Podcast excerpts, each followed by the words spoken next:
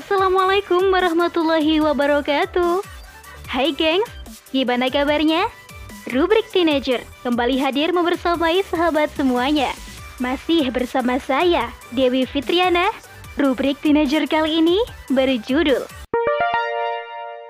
Pemuda Agen Perubahan oleh Ayah Umu Najwa. Negeri ini makin ke sini makin tidak jelas ya gengs. Hari demi hari bangsa ini seakan tak punya visi misi. Kalian juga merasakan kan? Negeri ini makin jauh dari aturan. Ya, lihat aja deh bagaimana hukum sering diperjualbelikan. Saat pandemi begini, warga asing bebas berdatangan, kekayaan negeri pada digadaikan, ulama dipenjarakan, rakyat kelaparan dibiarkan, generasi makin rusak, serta pendidikan makin tak berkualitas. Huh, jadi sedih ya. Gengs, para penguasa seakan mati rasa. Bagaimana enggak? Coba deh kita lihat di saat rakyat sengsara karena pandemi belum berakhir dengan kebijakan dan pelayanan yang amatir, pemerintah malah sering bikin lawakan. Ada yang minta dibuatkan rumah sakit khusus mereka, ada yang minta baju dinasnya merek dunia, ada yang sibuk pasang baliho dengan biaya yang bisa bikin kenyang satu provinsi. Ada juga yang mengajak nge-review drama. Ah, pokoknya kocak-kocak deh. Mereka pikir nih, negara panggung stand up komedi kali ya. nah, nah, nah, ada yang paling mutakhir nih, gengs. Pemerintah dalam waktu dekat akan mengalihkan semua saluran TV analog ke saluran TV digital. Di tengah mencekapnya pandemi yang kian hari ini, yang kian ngeri, bukannya fokus mencari solusi untuk rakyat, malah lagi-lagi mereka mengeluarkan kebijakan yang tidak banget. Sekarang ini, rakyat sedang kelaparan dengan ekonomi kian terpuruk karena pandemi kian memburuk. Dan rakyat tidak sedang memikirkan TV, baik analog maupun digital. Dengan fenomena ini, apa yang kalian rasakan, gengs? Apakah kalian merasa biasa saja atau ada greget dalam diri kalian? Kalau kita merasa greget dan ingin berubah dari kondisi ini, berarti hati nurani kita masih berfungsi, gengs. Tapi kalau kita merasa biasa saja dengan segala yang terjadi kali ini, tidak merasa greget, tidak terpikir melakukan perubahan, wah bahaya sekali.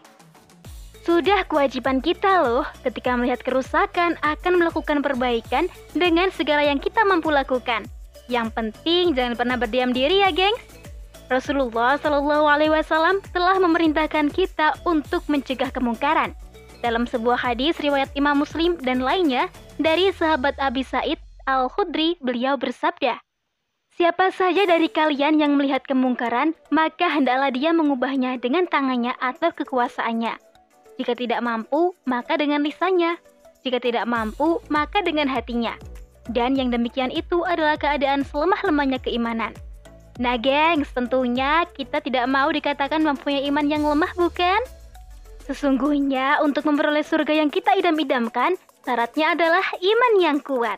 Dan bukti iman yang kuat ini banyak loh. Salah satunya berani mengatakan kebenaran dan tidak berdiam diri menyaksikan segala kerusakan yang ada. Bahaya berdiam diri dalam melihat kemungkaran itu luar biasa. Bahkan disebutkan oleh Imam An-Nawawi dalam Sarah Sahih Muslim bahwa siapa saja yang berdiam diri dari menyampaikan kebenaran, maka ia adalah syaitan akras, yaitu setan bisu dari jenis manusia. Waduh, tambah ngeri tuh. Jadi, apa dong yang harus kita lakukan? Sedang kita bukan pengambil kebijakan negeri ini. Oke gengs, gini gini gini. Kita ini generasi Islam. Kita ini umat terbaik pilihan Allah yang sudah dijanjikan kemenangan jika kita berdakwah amar ma'ruf nahi mungkar dan juga beriman kepada Allah. Itu berarti seseorang dikatakan beriman itu jika ia mampu melakukan amar ma'ruf nahi mungkar tadi. Ketika kita sudah melaksanakan itu, maka Allah akan memberikan kepada kita kemenangan Islam. So, sebagai generasi penerus estafet kepemimpinan Islam, yang kita harus lakukan sekarang adalah memperjelas visi kita bahwa generasi muda Islam adalah agen perubahan yang akan mengganti kepemimpinan dunia yang jauh dari penerapan Islam menuju Islam rahmatan lil alamin. Kerusakan ini harus segera diakhiri Ya, sistem bobrok ini harus segera diganti dengan sistem ilahi. Hanya Islam satu-satunya solusi bagi keterpurukan ini. Mulailah kenali Islam, mulai kita renungkan hakikat kenapa kita diciptakan, yaitu sebagai khalifah Allah di atas bumi, untuk menerapkan hukum-hukum Allah. Tentu ini tak mudah ya sob, ini butuh kerja keras. Iya, karena balasannya pun tidak main-main, yaitu surga. Ketika kalian ingin menjadi juara, apa yang kalian lakukan? bermalasan, santai, ngegame, tentu tidak bukan? Setiap orang yang menginginkan kesuksesan dan keberhasilan, maka ia harus mempunyai pola hidup masterclass. Benar bukan? Ketika yang lain hura-hura, ia memilih kajian, belajar Islam, belajar bahasa Arab, baca siroh, duduk di taman-taman surga, meneguk kesejukan airnya. Ketika yang lain menonton konser musik, ia akan menghabiskan waktunya untuk meneliti dan merenungi. Juga mencari solusi untuk umat yang terpuruk begitu parah ini agar bisa bangkit kembali.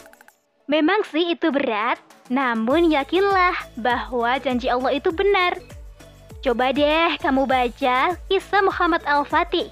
Ia menaklukkan Konstantinopel yang merupakan mercusuar peradaban dunia kala itu di usia 21 tahun, gengs. Itu artinya ia mengubah tatanan dunia dari kepemimpinan Kristen kala itu dan menjadikan Islam memimpin dunia. Wah, Masya Allah banget ya. Pun dengan Salahuddin Al-Ayubi yang pada umur 25 tahun telah berhasil merebut Al-Quds kembali dari tangan tentara Romawi. Tentu ini butuh kerja keras dan usaha yang tidak ringan. Dan masih banyak lagi kisah-kisah para pejuang Islam yang mulia lainnya.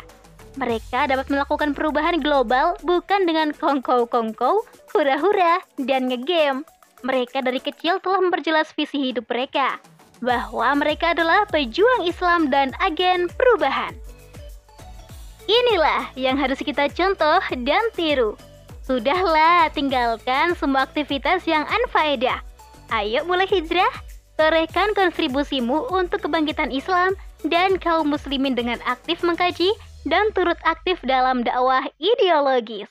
Sejatinya, gengs, musuh-musuh Islam itu tak pernah tidur loh dan juga tak pernah santai.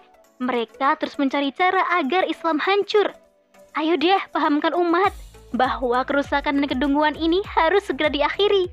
Ganti sistem rusak dan merusak ala barat ini dengan Islam, sistem ilahi yang mensejahterakan. Wallahu alam bisawab.